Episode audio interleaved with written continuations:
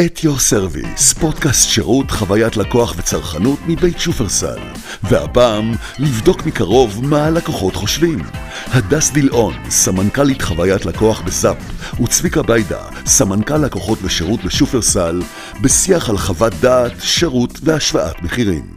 שלום לכם, אנחנו בפרק נוסף של At Your Service, פודקאסט השירות, חוויית הלקוח והצרכנות מבית שופרסל, בו אנו משוחחים עם אנשים מעניינים מתחומים שונים, על זוויות שונות הנוגעות לתחום העיסוק שלנו, שזה תחום השירות. המטרה המרכזית שלנו היא להיות אנשי שירות טובים יותר, כך שאנחנו מכירים יותר טוב את הצרכן הישראלי, וככה נוכל לדעת הרבה יותר טוב איך אנחנו אמורים לפעול במצבים השונים שאנחנו פוגשים. ועל הדרך, בדיוק כשמו uh, של הפודקאסט, גם להיות לשירותכם, לשירותם של כל מי שמאזין לנו, ולעזור uh, לכם uh, להבין יותר טוב את התפקיד שלכם, שלנו, uh, ולתרום את תרומתנו לכך שהעולם שלנו יהיה עולם טוב יותר ועולם שירותי יותר. אני שמח מאוד לארח פה היום מישהי מעניינת מאוד, הדס דיליון, שלום הדס. וואו, איזו הבטחה, שלום. סמנכ"לית חוויית לקוח בקבוצת זאפ. נכון. ברוכה הבאה, ואני רק רוצה לומר פה אה, אה, ל record, מה שנקרא, הדס, אה, הקדמנו את השידור, זה מה שנקרא עדות מוקדמת, בעולם המשפט קוראים לזה עדות מוקדמת, מזמינים את העד מוקדם לפני שבמקרה של הדס היא נפצעה והיא צריכה לעבור אה, ניתוח בימים הקרובים, אז רביעי. דאג, ביום רביעי, אז קודם כל טפו טפו, שיהיה לך בהצלחה, מחזיקים לך אצבעות ובטוחים שתעשי את זה כמו שצריך. אה, הדס היא אה, חיית שירות ותיקה ממה שאני מכיר, ואנחנו ככה מכירים דרך הברנז'ה בשלוש-ארבע שנים האחרונות.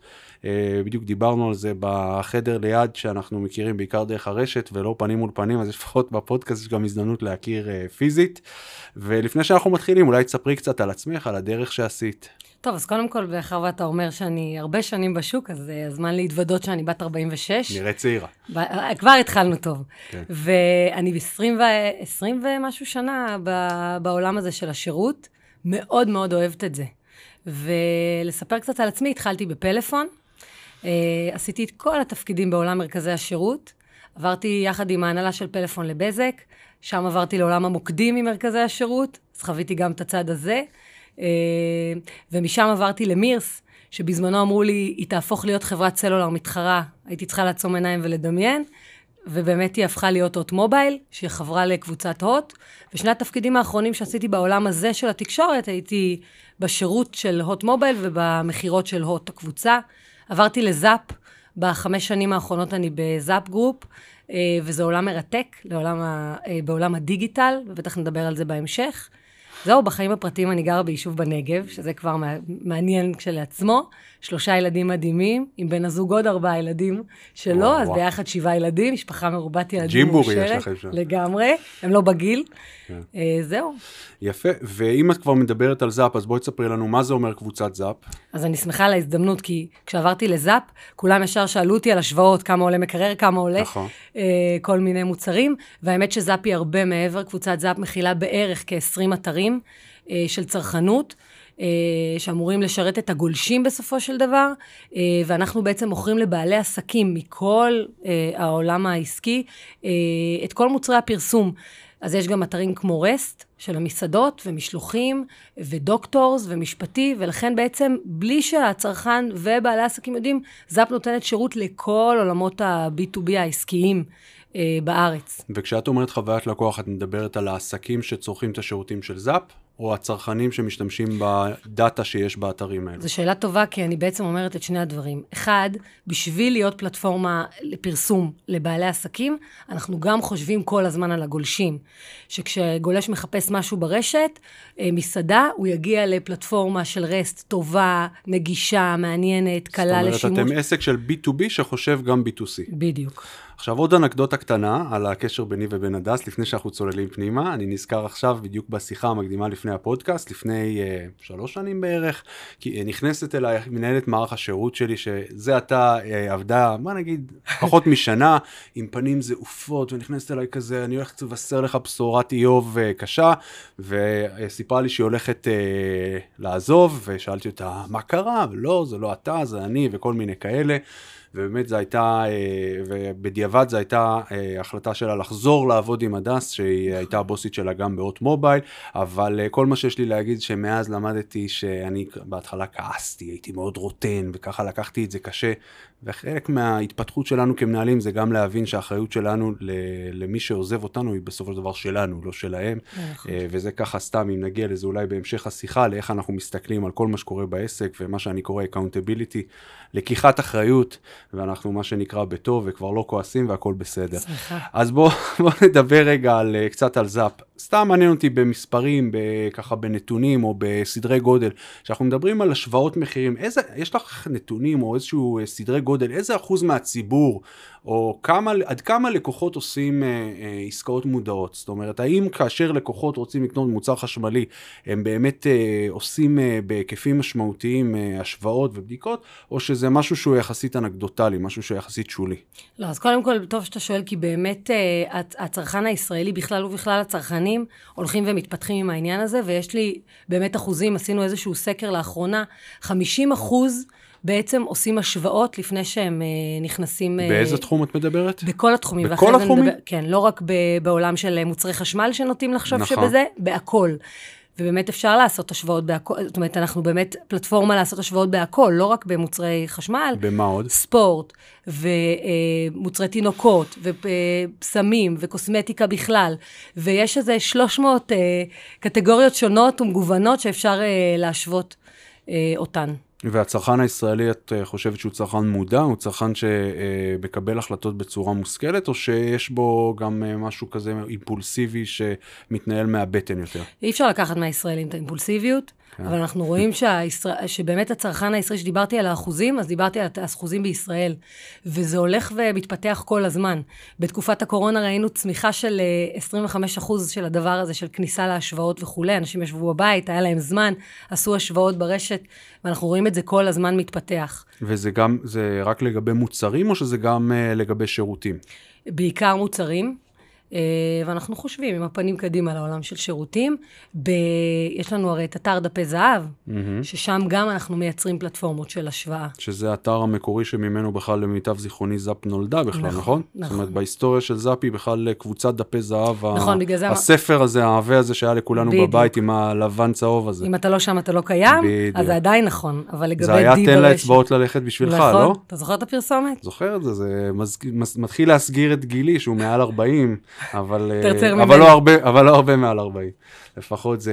אני רוצה לשאול, אה, לדבר קצת על הנושא של חוות דעת אה, מקצועיות. אנחנו, יש פה בעיניי איזושהי סתירה, איזושהי קונפליקט. אנחנו חיים בעידן מאוד מאוד מקוון, מאוד מאוד מחובר, מאוד מאוד משותף. כל אחד משתף כל חוויה הכי קטנה שיש לי על אה, גלידה שאכלתי, או על אה, מנה כזו או אחרת במסעדה, הכל, הכל חשוף. ומצד שני, צרכנית, יש, הרבה, יש עוד הרבה פערים, זאת אומרת, יש עוד הרבה נותני שירותים.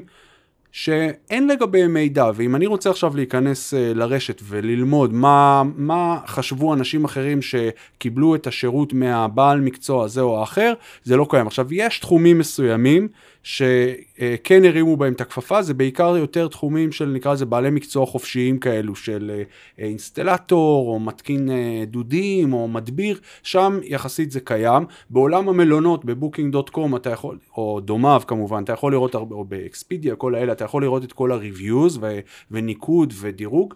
אה, וגם בעולם המסעדות, עם ילפ וכאלה, אבל בסך הכל, כשאתה מסתכל על נותני שירות שהם לא אחד מהקטגוריות שכרגע אמרתי, אין לך כל כך מאגרי מידע משמעותיים שלפני שאני בוחר למשל, אה, אפילו בתחום הרפואה זה קיים אבל בקטנה, אה, היית מצפה שבעולם שכולו מלא בדאטה וחשוף ושקוף וכולם משתפים, שיהיה לך אה, אוקיינוס של מידע שיהיה פשוט יהיה מסודר ושאנשים גם יהיו מתומרצים לפי זה, זאת אומרת שאם אני יודע שאני, אה, יש חשיפה, אם אני עכשיו אפילו עורך דין, ו... אה, אה, אם אני יודע שלאיכות השירות שאני נותן, או לחוויה שאני נותן, שהיא אגב גם כן שאלה, האם חוויה זה רק להיות נחמד, או גם להיות מקצועי גם כשזה לא להיות נחמד, בוודאי בתחומים כמו רפואה או משפט וכך הלאה. אבל האם הנושא הזה של uh, reviews, של חוות דעת, הוא תחום שבאמת מבוסס בישראל ובעולם, או שזה תחום שעוד יש בו הרבה לאן ללכת לדעתך? אז אני אתחיל מזה שהתחום הזה מאוד מאוד התפתח בישראל. ובכל, אנחנו עובדים עם כל ה-B2Bs בארץ, ובאמת שהוא הולך ומתקדם כל הזמן, וכל בעל עסק קטן יודע היום, ובזאפ תכף אני אספר על זה, אנחנו מדרבנים ומסבירים ללקוחות שבאים לשד... לפרסם בפלטפורמה הדיגיטלית, שזה must. זה לא כן יוצא לי, לא יוצא לי, זה must. ובכלל, גוגל מקדמת, אם יש לך חוות דעת, ואני ואתה מפרסמים באותו מקצוע, ולי יש חוות דעת, לא משנה כרגע חיוביות או שליליות או כמה, ככל שיש לי יותר חוות דעת, ככה אני אהיה מקודמת יותר טוב בגוגל. חוות דעת בזאפ? לא, באופן כללי בגוגל, אבל גם בזאפ. אוקיי. ואנחנו מדרבנים את הבעלי עסקים, אחד הדברים שאנחנו עושים זה מלמדים אותם על הפלטפורמה הדיגיטלית שיכירו אותם, את העניין הזה, ולכן חוות הדעת זה כלי מאוד מאוד מאוד חשוב. מרוב שהוא חשוב, הקמנו יחידה אצלי, שמטפלת בעולם חוות הדעת, בשני ערוצים. אחד, אנחנו בודקים את אמינות חוות הדעת, שזה אה, נושא שאני ארצה שתרחיבי עליו, כי הדבר, המחשבה הראשונה זה איך המתחרה מכניס את החוות דעת השליליות כדי לדפוק אותי כזה. אז אני חייבת להגיד שברשת לא תמיד ולא כל המקומות, הפלטפורמות שאפשר לכתוב בהם חוות דעת באמת מסננות את הדבר הזה, אבל בזאפ מקפידים ואני אדבר על זה. אה, ושתיים, אנחנו גם אה, בעד לטפל בזה נכון, ללמד אותם לטפל, ואנחנו מדרבנים את הגולשים למלא חוות דעת. החלק השני, אמרתי שיש שני חלקים למוקד, חלק השני, בעצם אנחנו מתגל... מתקשרים לגולשים, לבדוק איך הייתה להם החוויה, העסקה שהם ביצעו. כלומר, נציג שירות יושב, ואחרי שהוא ביצע, שהוא יודע שהלקוח ביצע עסקה, הוא מתקשר אליו בשיחה יזומה כדי לקבל ממנו חוות דעת, נכון. ואיך זה עובד? ואנחנו, ואנחנו עבור הגולש עושים את השירות, גם עבור הגולש, בעיקר עבור הגולשים הבאים, וממלאים חוות דעת, כי אנחנו יודעים, אני רק אספר לך, אחוז, 75 אחוז, 75 אחוז מה, מהישראלים מעדיפים לי, לעשות עסקה עם, אה, עם בעל עסק שיש לו חוות דעת. ולכן כדאי מאוד מאוד לעשות אה, מה שנקרא, לוודא שאתה עובד בזה ומכניס חוות דעת. אני אספר לך, חוויה שלי הייתה כלקוח, אה, לא קשור לזאפ, סתם כי זה משהו שהצית בי את כל המחשבה הזאת, ואני תמיד כזה, אחרי שאתה חווה משהו, אז אתה, באופן חושב אישי, אז אתה חושב על זה ומאבד את זה. כשעשיתי לפני אה, כמעט ארבע שנים, עשינו שיפוץ, קנינו בית, שיפצנו אותו, והאדריכל שעשה לנו את השיפוץ היה מישהו שאנחנו מכירים דרך המשפחה, והוא היה נהדר, ואנחנו חברים והכל טוב, אבל היינו צריכים רכיב מסוים בבית לעשות איזשהו אה, הליך תכנוני מול הוועדת תכנון ובנייה, והוא לא מתעסק בנושאים של תכנון ובנייה, והוא הביא איזשהו מישהו שהוא שמע עליו, או חצי מכיר אותו וכולי, וחשבנו שהוא בסדר, והבן אדם היה פשוט מזעזע. זאת אומרת, גם בהיבט השירותי, גם בהיבט המקצועי, גם בהיבט של היחס שהוא נתן לנו, וגם ביחס שהוא קיבל מה, מהעירייה. היה קונצנזוס מוחלט אה, שהוא פשוט מזעזע, וגם האדריכל שלי, שאחרי זה הרגיש מאוד לא נעים כלפיי, כי הוא כאילו הביא לי. אותו, אמר לי, תקשיב, אני מתנצל בפניך, פשוט נפלנו איתו, אה, זה. ואני שואל, שאלתי את עצמי, איך זה, אז זה היה בערך 2017, אבל לא משנה, 2021, אנחנו לא במקום מאוד רחוק. איך זה יכול להיות שאין מקום אחד, היית מצפה שתהיה, מ- אני לא יודע אם לקרוא לזה, אם זה בציון, אם זה ב-reviews, אם זה משהו כזה, שאני אוכל לבוא ולכתוב שאותו, אני לא אגיד את שמו כדי לא לעשות פה, בכל זאת אנחנו פה בשיחה כללית, אבל אותו X, אה, כולם ידעו אה, מי הוא, ואותו דבר אגב לטובה, זאת אומרת דווקא, ואותו דבר גם האדריכל שלי, זאת אומרת זה שאני מאוד אוהב, מאוד מעריך ומאוד מכבד. הייתי רוצה יקרה. ש, אה, ש, שיהיה אפשר לתת לו איזשהו פידבק חיובי. אני מרגיש שכאילו יש פער עצום בין הקדמה של העולם בהיבט של החשיפה של מידע, לבין איפה שאנחנו נמצאים ספציפית בתחום הזה. אז אני לא יכולה לתקן את כל העולם, אבל אני אגיד שאנחנו כן מסתכלים על זה בזאפ. כשאמרתי לך שאנחנו מסתכלים גם על הגולש וגם על בעל העסקים, אנחנו בעד אה, לקדם את העניין הזה של חוות הדעת. וכשאתה נכנס ללקוחות בגוגל שאתה מחפש ומגיע ללקוחות שרשומים בזאפ, לרוב אתה תמצא חוות דעת, כי אנחנו... מה זה לקוחות שרשומים בזאפ? תסביר. כשאתה בעל עסקים. כן. אגב, בזאפ רשומים גם כאלה שהם לא, לא לקוח, אה, מה שנקרא, משלם, הם מפורסמים בפלטפורמה, כל מי שנרשם, רוצה להירשם, אנחנו מצאנו אותו ופרסמנו אותו, אפשר למלא עליו חוות דעת. אוקיי. וזה מבחינתי שירות לגולשים. וכשאתה מחפש, כמו שאמרת, אינסטלטור, עורך דין, רופא, סביר להניח שאם הוא עובד נכון, ואם הוא שמע לעצה שלנו ולדרבון שלנו, הוא ממלא חוות דעת, הוא מבקש מלקוחות שלו למלא חוות דעת. וזה אמור לשרת גם אותו וגם את, ה, את הלקוחות שלו. ואני מניחה שכל בעל עסק, אם הוא בסדר, אגב, זה שחווית שהוא לא טוב, הוא כנראה לא יודע שהוא לא טוב, אבל אולי אם הוא היה שומע שהוא לא טוב, הוא היה משתפר, כי הוא רוצה להצליח, וזה הדרך להצליח. אז אנחנו מאוד מעודדים את העניין הזה, ו- וכן תראה שם חוות דעת. הדבר הזה כל הזמן צריך לעבוד בו, ובעלי עסקים צריכים להבין את החשיבות. ואפרופו צרכנים, כמו שאתה אמרת, צרכת שירות, אתה צריך מה שנקרא לא להתעצל, וגם בטוב וגם ברע לשבת ולכתוב. בדיוק, כי זה, בתחושה שלי מאוד מאוד uh, בוער לך להוציא את זה כאשר יש לך חוות דעת שלילית, אבל לאו דווקא כאשר אתה חושב משהו טוב על מישהו, אתה תתאמץ באותה מידה. בדיוק כמו שאנחנו במוקדי שירות שלנו, אנחנו בדרך כלל מקבלים תלונות, אנחנו פחות מקבלים מחמאות. וזה טבע החיים, שאתה מקבל יותר uh, שומע ממי שהיה פחות מרוצה ולא ממי שהוא יותר מרוצה. אז אנחנו מוצאים גם כאלה שכן כותבים חוות דעת טובות, כן. ולכן אתה תראה הרבה חוות דעת טובות. היית במסעדה ונהנית, אה, אינסטלטור שעשה לך אחלה שירות, רופא, וכל המקצועות שיש אצלנו. ו, וגם עם הרעות, אנחנו מלמדים לא לפחד מזה. עכשיו תגידי, איך באמת מתמודדים עם האתגר הזה שאני אינסטלטור ויש לי מתחרה באותו יישוב שאני גר בו, וזה נניח יישוב כזה שהוא יחסית קטן, וברור לי שהמתחרה שלי ירצה להכניס, זאת אומרת, איך אני מונע מצב שבו בעל עניין אינטרס אה, יפגע בשם שלי דרך חוות דעת לא אותנטיות? אז תראה, אנחנו, בגלל שחששנו מהדבר הזה מתחילת הדרך, אה, באמת בודקים את אמינות חוות הדעת, ואתה לא יכול לעלות, היית ב... אתה לא יכול סתם לשבת ולכתוב שיימינג על איזו מסעדה. או, ואנחנו בודקים חשבוניות ואנחנו מבקשים, זה קצת... אה, מסבך את הכתיבה של חוות הדעת. על כל חוות דעת מבקשים חשבונית? לא בהכרח חשבונית, אספר לך סיפור מצחיק, ראיתי השבוע, הסתכלתי לקראת הפודקאסט שלנו, על איך אנחנו בודקים, אז היה איזה די-ג'יי, ויש לנו את אתר מתחתנים, וביקשו מהבחורה שהתחתנה לשלוח איזושהי חשבונית, אז היא אמרה, אין לי חשבונית, אבל יש לי תמונה מהחתונה.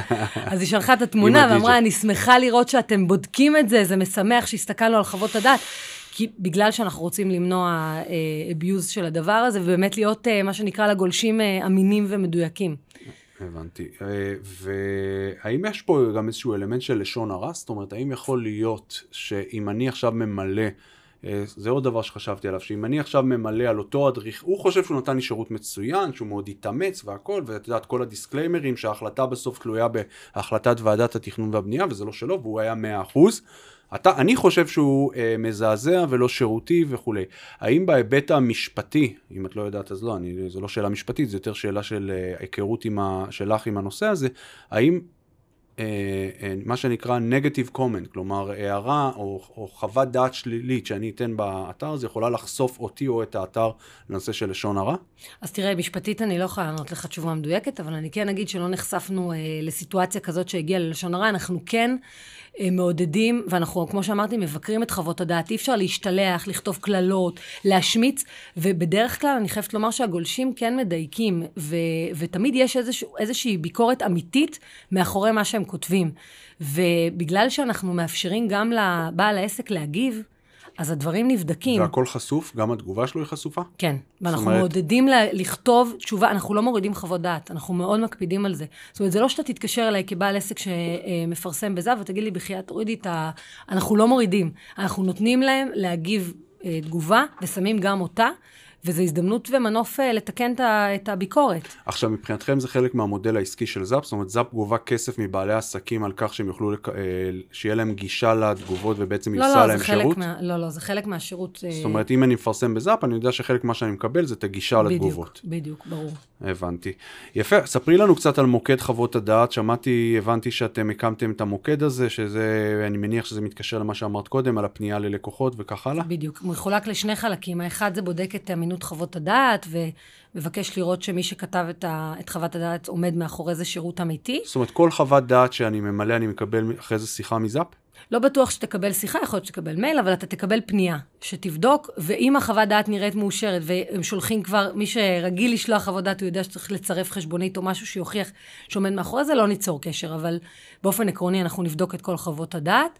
אה, והחלק השני, זה החלק שמדרבן הוספה של חוות דעת, כדי להוסיף בפלטפורמות של זאב, באתרים השונים, חוות דעת, כדי שאתה כגולש תיכנס ותוכל רגע לפני שאתה מחליט, להסתכל על חוות דעת, וככל שיש לך יותר על בעל עסק חוות דעת, אתה יותר רגוע. אז איך זה קורה? זאת אומרת, אם יש איקס uh, חוות דעת על בעל עסק בזאפ, איך אתם דואגים שזה יהיה אחרי זה גם באתרים אחרים? לא, זה ב... הכוונה היא בפלטפורמה שאתה מפרסם אצלנו. אה, ב... בפלטפורמה בזאפ, כן, הבנתי. כן. זאת אומרת, אם אני נכנס עכשיו דרך uh, אתר פלטפורמה אחר, אני לא אהיה לא אהיה חשוף לחוות לא, אבל סביר שתחפש את בעל המקצוע, אתה תראה עליו כמה דברים, אתה תגיע גם לזה. הבנתי. שאלה מכיוון קצת אחר, אגב, נתקלנו בה בשופרסל, בכל עולם מוצרי החשמל. בסוף שופרסל אה, כדוגמה, אני כמובן, אנחנו לא מדברים רק על עצמנו, אבל אני אומר, אנחנו מוכרים אלפי מוצרים, למשל מוצרי חשמל, והחוות דעת היא חוות דעת כללית על שופרסל. עכשיו, האם לא נכון יותר לעשות חוות, זאת אומרת, היכולת שלי לשפר את חוות הדעת היא רק בכללי על שופרסל, היא לא ספציפית על קטגוריה מסוימת, נכון?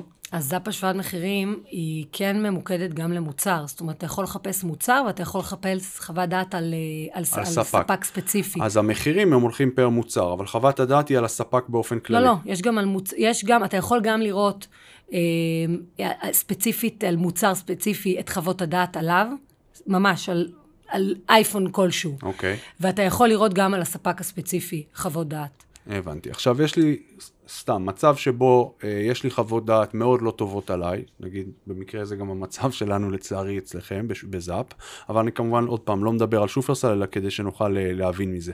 חברה או ספק שיש לו חוות דעת מאוד לא טובות והוא רוצה אה, לעשות תהליך. ממה שאני מבין לשנות את זה זה לא, זה לא דבר כל כך קל.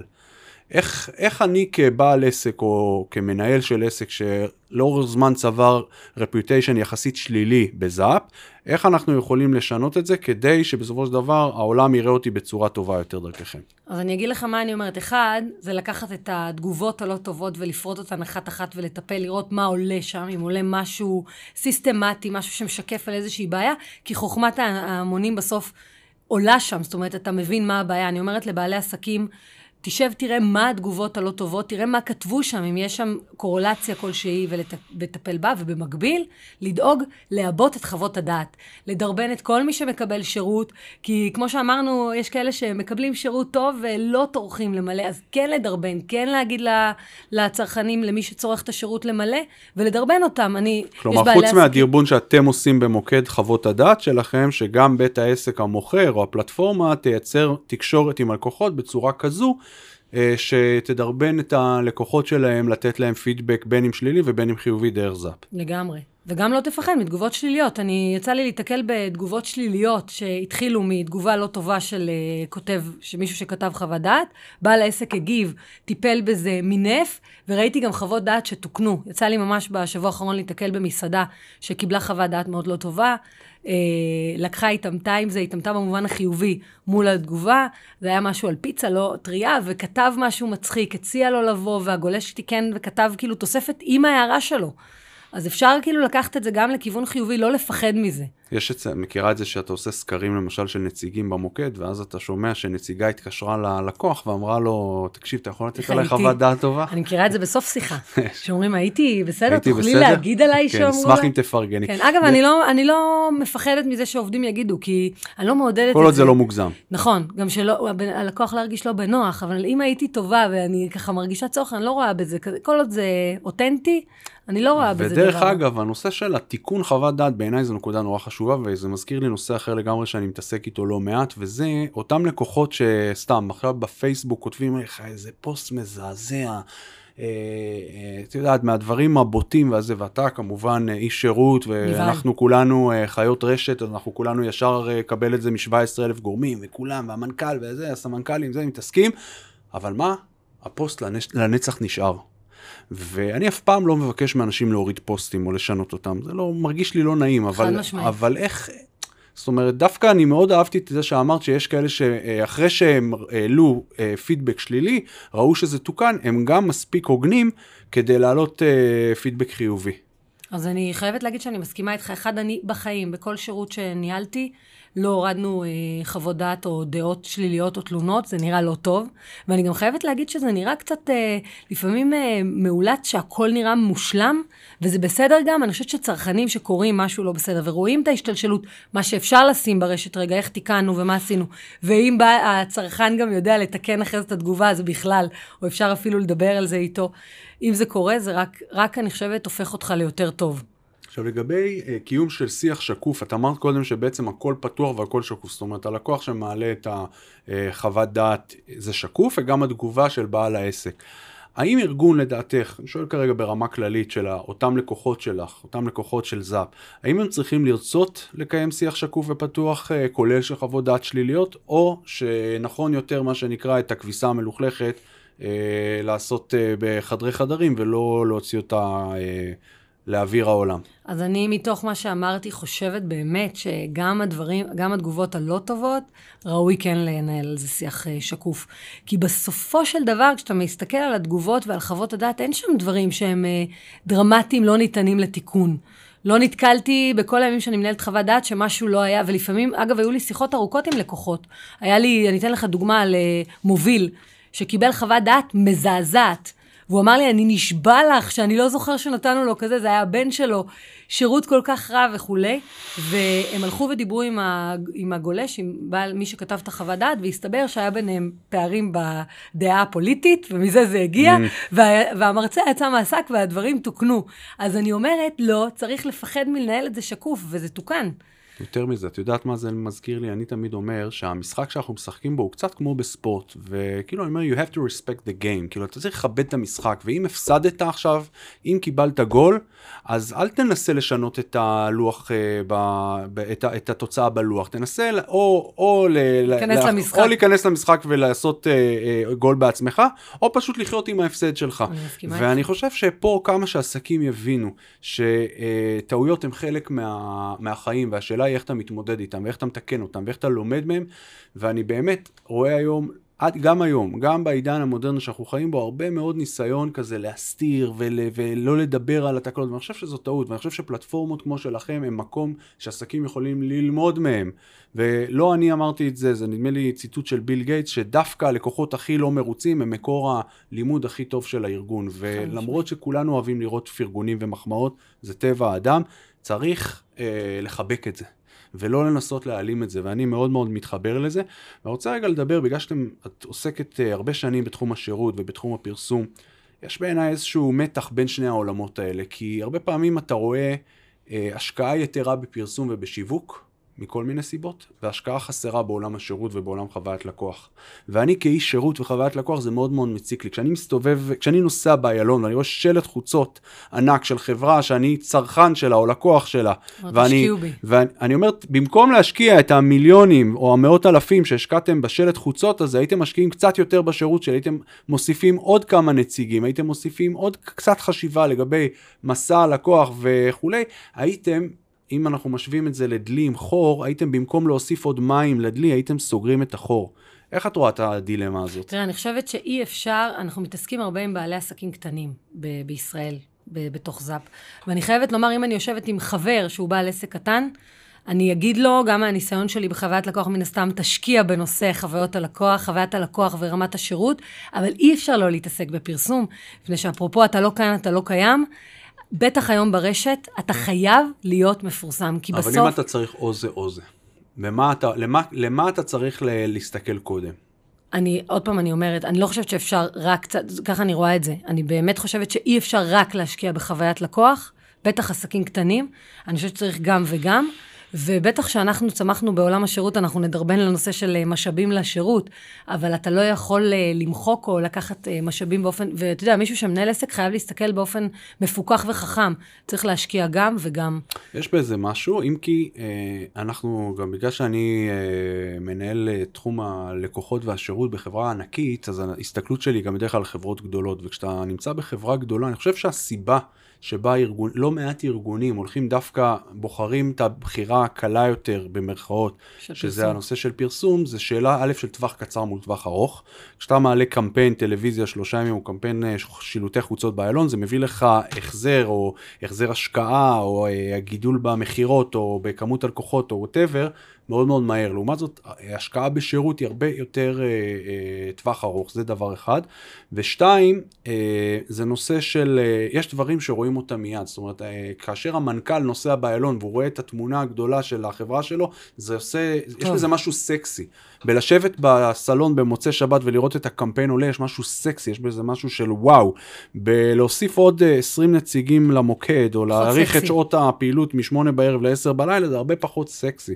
ואני חושב שפה גם קצת uh, נעוץ העוקץ, ו- ואם אנחנו נהפוך את התחום הזה של מה הלקוחות אומרים, ואיך ה-voice of customer הוא השיווק שלך, אז נכון, יש בזה טווח ארוך, אתה לא, לא בהכרח תראה לקוחות מסתערים עליך, בטח אם אתה עסק בינוני או קטן, כמו שאם תשקיע עכשיו בשילוט חוצות או ב- uh, ברדיו המקומי, אבל לאורך זמן, ואנחנו צריכים להסתכל על הדברים לטווח הארוך ולא לטווח הקצר, אני חושב שזה יעשה את העבודה.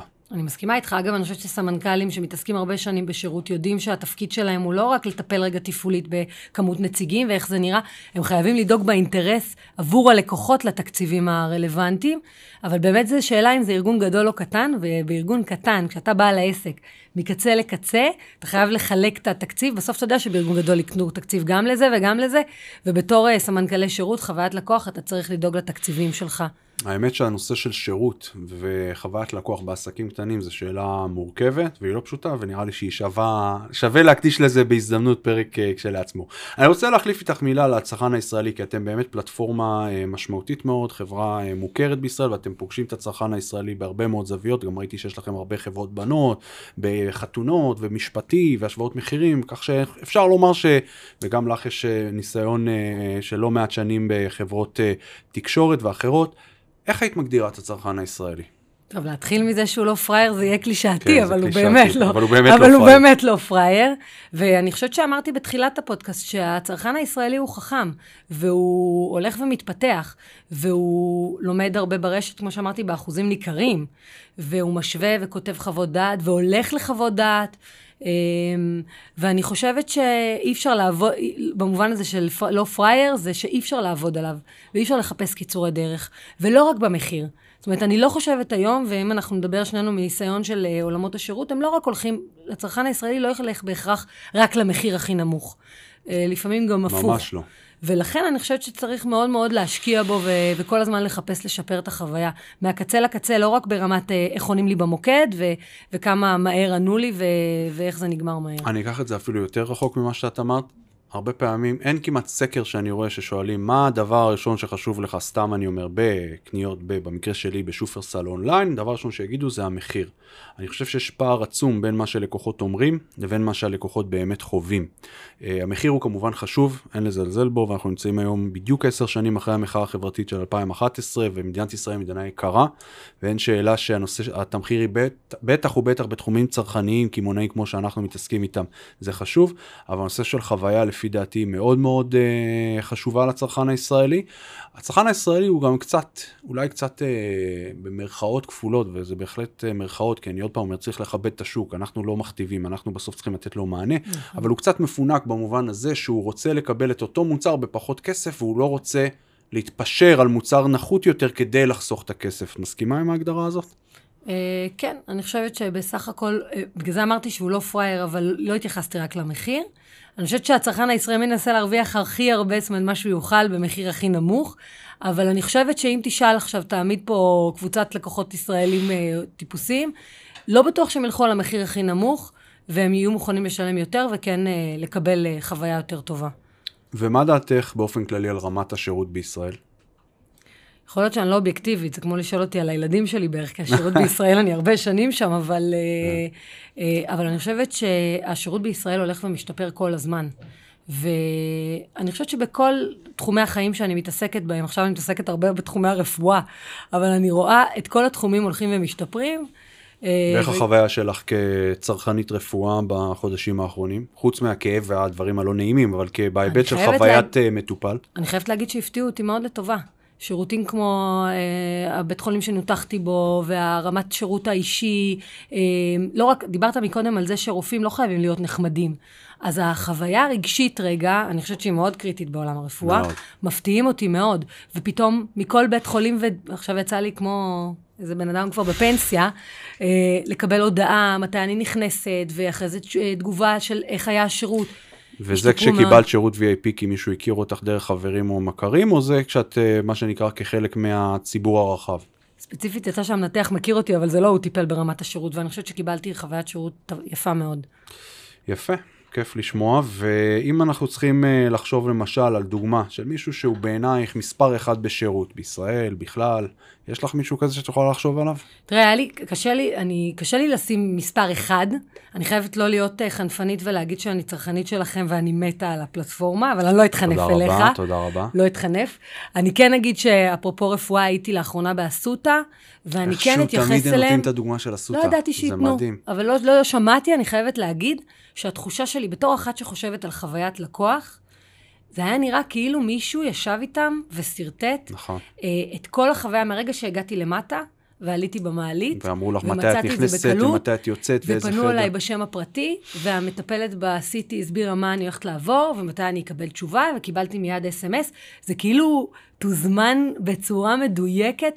אה, לא הייתי צריכה לחשוב, רגע לשאול, להרים את הראש, לחפש, פשוט אה, מדהים. אסותא הם באמת מדהימים, ואגב, לא ידעתי, גילוי נאות, לא ידעתי שאת uh, תתני את הדוגמה הזאת, אבל היא בהחלט uh, דוגמה לנותן שירות שכמעט בכל שיחה, לצערי הרב, אין הרבה נותני שירות שנותנים אותם באופן קבוע כנותני שירות טובים בישראל, ואסותא היא, היא בין הבודדים שכן עולים, וזה לא במקרה, אנחנו פגשנו בעבר את uh, פרופסור שוקי שמר, ויעל נאמן, שהייתה שם סמנכ"לית עד לאחרונה של uh, חוויית מטופל, או חוויית לקוח, איך שקוראים לזה שם, ובהחלט אני חושב שהם הובילו שם תהליך, זה לא במקרה, כמו שאמרת, חשבו על הכל, זה, זה שכשאתה, אני זוכר שלפני אה, שלוש שנים בערך, הילד שלי עשה ניתוח קטן שם באסותא, ואני, אה, ואתה יושב בחוץ, וכתוב, הוא נכנס לניתוח, התחיל את הניתוח, יצא, עבר לחטא, עכשיו זה דברים שהם לא, לא, לא, הם, הם בטפטופים מתחילים ברפואה הציבורית, ברפואה הפרטית שם זה כבר אה, קורה יותר, וא' שלא נצטרך ושלא נזדקק, אבל לפחות... יצאתי היפוכונדרית.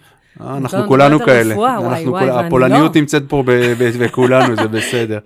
אה, ולפני שאנחנו מסיימים, אני חושב שהשיחה שלנו בפודקאסט אומנם עוסקת בצרכנות וחוויית לקוח ובשירות, אבל אנחנו גם אנשי קריירה, ויש לך טרק uh, רקורד מעניין, ועברת בחברות יותר גדולות ופחות גדולות, ואת מכירה את הצרכן, מכירה את המסלול, ואם הייתי צריך לשאול אותך ככה טיפ קריירה למי שמתחיל את דרכו, אם זה בעולם השירות, בעולם השיווק, בעולמות שאנחנו מתעסקים בהם.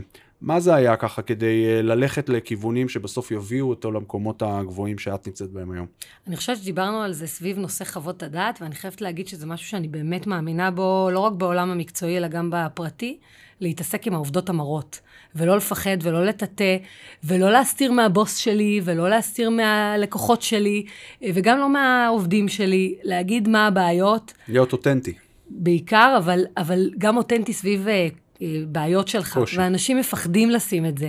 להגיד, יש לי בעיה בזה ובזה. בארגון שלי יש לי, בחטיבה שאני מנהלת, בעיה בזה ובזה, וגם ברמה האישית, ולהתמודד עם זה, ו- ולא לפחד לשים את זה על השולחן. יפה מאוד, אהבתי. האמת שזה מקורי וזה מעניין, ואני בכלל מאמין גדול במה אה, שנקרא מודעות עצמית ולהיות אתה, לטוב ולרע, אל תנסה להיות מישהו אחר. כי כמו שכבר נאמר זה כבר תפוס, ותהיה אתה, נכון. וחלק מהדרך זה באמת גם להתמודד עם קשיים, ואני מה שנקרא שמח שהעלית את זה. וזהו, עד כאן, שמחתי כיף. מאוד, היה כיף מאוד, וגם יצא לנו להיפגש עוד לפני הניתוח שלך, אז שיהיה בשעה טובה ובהצלחה, ושזה יעבור בקלות, ואני מקווה שכולם נהנו והשכילו מהשיחה שלנו, ונתראה בפעם הבאה. תודה. ביי, ביי, תודה. ביי ביי.